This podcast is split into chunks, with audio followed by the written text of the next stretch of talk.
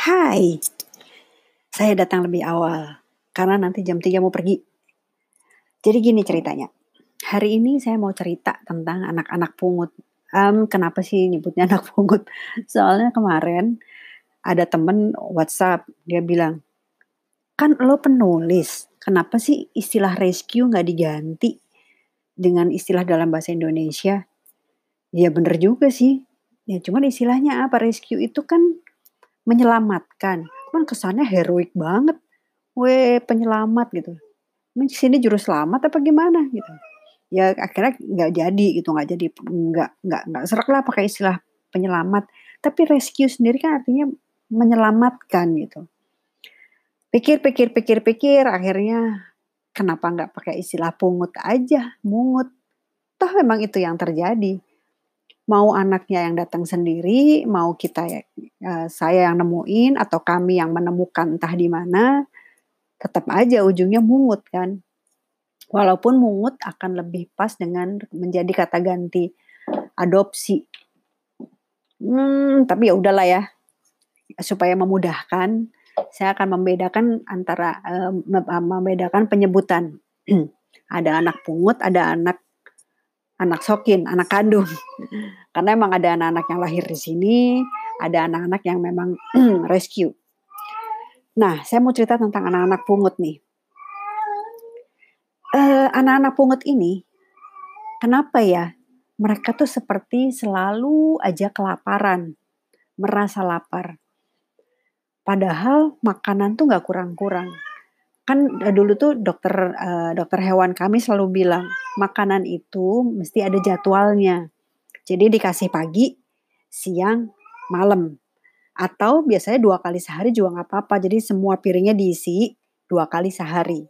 Kenapa? Semuanya supaya semuanya terjadwal sehingga kita nggak repot. Jadi anak-anak itu kalau tiap habis makan pasti pup. Itu udah udah urutannya gitu. Nah kalau mereka makannya nggak teratur, makannya bisa terserah-terserah, maka jadwal pupnya pun akan terserah-terserah. Maka akan never ending story bersihin uh, bak pasirnya. Tapi kami berdua emang gak tega sih. Jadi akhirnya pokoknya piringnya isi aja. Pertama gak tega. Yang kedua adalah uh, kami gak punya piring yang jumlahnya cukup untuk setiap anak. Kenapa? Karena kalau setiap anak punya satu piring, maka seluruh ruangan di lantai bawah isinya piring semua. Jadi uh, ya udah, jadi piring kami hanya menyediakan piring ada sekitar 12 eh 1 2 3 4 5 6 7 8 9 10 11, sekitar 15-an piring lah. 15 piring yang di yang di ditata di di tempat tertentu yang akan selalu terisi. Jadi anak-anak yang eh, kalah duluan untuk makan, dia akan tetap bisa di, kami pastikan akan dapat makan pada jam yang berbeda. Jadi nggak ada tuh yang jagoan dapat makan dulu, dapat uh, dapat makan yang nggak jagoan, nggak semua pasti akan dapat makan. Konsekuensinya yaitu jadwal pupnya jadi beda-beda, sehingga liter box selalu penuh. Singkat, uh, jadi harus selalu dibersihkan. Anyway, bukan itu yang mau saya ceritain hari ini. Yang saya mau ceritain adalah set, uh, mereka selalu dapat makan yang cukup. Tapi kalau kami lagi makan di meja makan, hampir semua anak pungut itu akan merubung dan minta makan. Kalau anak-anak kandung sini sih enggak. Mereka dari lahir ya makannya cukup jadi mereka tidak pernah tertarik pada makanan manusia. Anak pungut selalu tertarik sama makanan manusia. Kami ada beberapa anak pungut yang kucing kampung, bahkan juga kucing gondrong. Enzo kan kucing gondrong dan benar-benar ras dia. Dia tuh mix tapi mixnya ras dengan ras. Dan dia sama kelakuannya.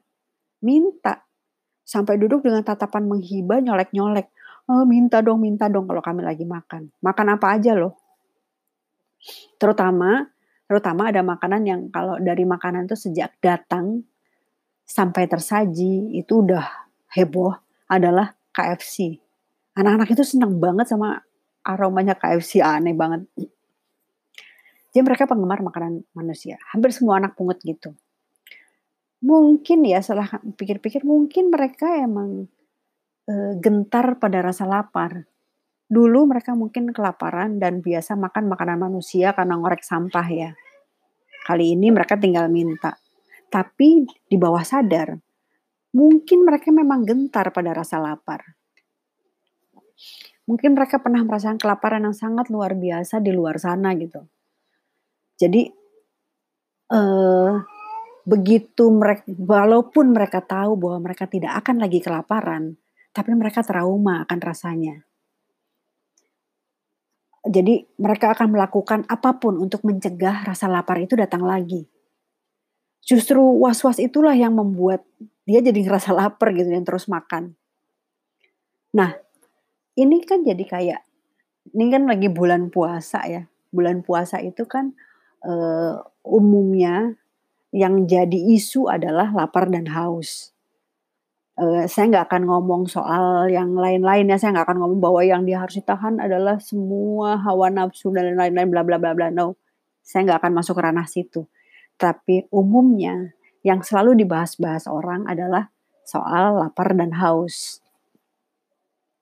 Biasanya sehari sebelum puasa tuh orang pada ayo kita makan siang nih, makan siang terakhir. Bos, puasa tuh Ramadan cuma sebulan kali. Kan di bulan berikutnya lo bisa makan siang lagi gitu. bebas. Tapi orang begitu khawatir pada rasa lapar dan haus. Jadi yang harus perlu disiap-siapkan? Pada saat bulan puasa postingan-postingan di uh, media sosial juga kan kalau ledek-ledekan itu kan yang diposting minuman segar ada esnya terus makanan-makanan yang selusup-selusup menerbitkan liur lah, orang begitu gentar pada rasa haus dan lapar. Sama seperti si anak-anak pungut di rumah.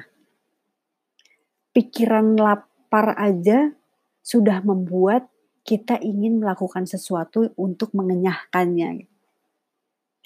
Saya jadi ingat cerita tentang cerita seorang kawan. jadi teman saya ini menikah dan pasangan hidupnya ini dulunya pernah miskin tiada tara, sangat sulit hidupnya. Kemudian mereka berdua nih ketemu di kampus, jadi dengan susah payah akhirnya sekolah, bisa uh, kuliah, ketemu di kampus dan mereka bekerja keras, mereka bekerja dan punya penghasilan yang luar biasa. Mereka mapan dan bisa bisa disebut kaya. Mereka menikah dan standar hidup pun berubah. Hari ini kondisi berubah. Uh, salah satu dari mereka harus berhenti bekerja, sehingga hanya satu yang bekerja, hanya teman saya ini yang bekerja dan teman saya ini uh, penghasilannya uh, menjadi tidak cocok dengan pengeluarannya karena standar hidup mereka sudah berubah, cicilan-cicilan banyak yang harus dibayar dan nilainya besar sehingga jadi terpaksa harus berhutang dan so bla bla bla bla bla. Dan pasangan hidupnya komplain luar biasa. Kenapa kamu harus cari uang lebih keras? Kamu harus ini, kamu harus itu. Jadi bukan standar hidupnya yang diturunkan, tapi penghasilan yang harus dikejar terus gitu. Dengan kondisi pandemi seperti ini gitu. Betapa mengerikannya kembali menjadi miskin. Kira-kira itu yang yang yang saya tangkap. Padahal miskin atau kaya atau cukup itu ada di bagaimana kita melihat persoalannya. Banyak yang sudah telanjur mungkin, harus bayar cicilan lah yang jumlahnya besar. Yang mau nggak mau harus dihadapi, tapi itu kan persoalan yang bukan tidak bisa diatasi. Kan utang bisa dipikirin cara nyelesainnya. Misalnya utang mobil, boleh nggak mobilnya dibalikin aja? ada beberapa kawan yang melakukan itu. Ya udah gue nggak sanggup nih bayar cicilan mobil udahlah mobil gue balikin aja deh. Jadi gue nggak harus bayar. Ya udah dianggap rugi aja anggap gue nggak punya mobil lagi. Emang kenapa? Tapi jatuh miskin itu mindset. Mengubah gaya hidup itu lebih mengerikan dari pandemi ini. Um, sama seperti si anak-anak pungut yang melihat makanan menjadi giras, menjadi agresif, menjadi merasa perlu makan karena mereka sangat takut kelaparan. Uh, selalu ada hal besar di balik hal kecil atau hal kecil yang dibesar-besarkan. Sampai ketemu besok. Bye.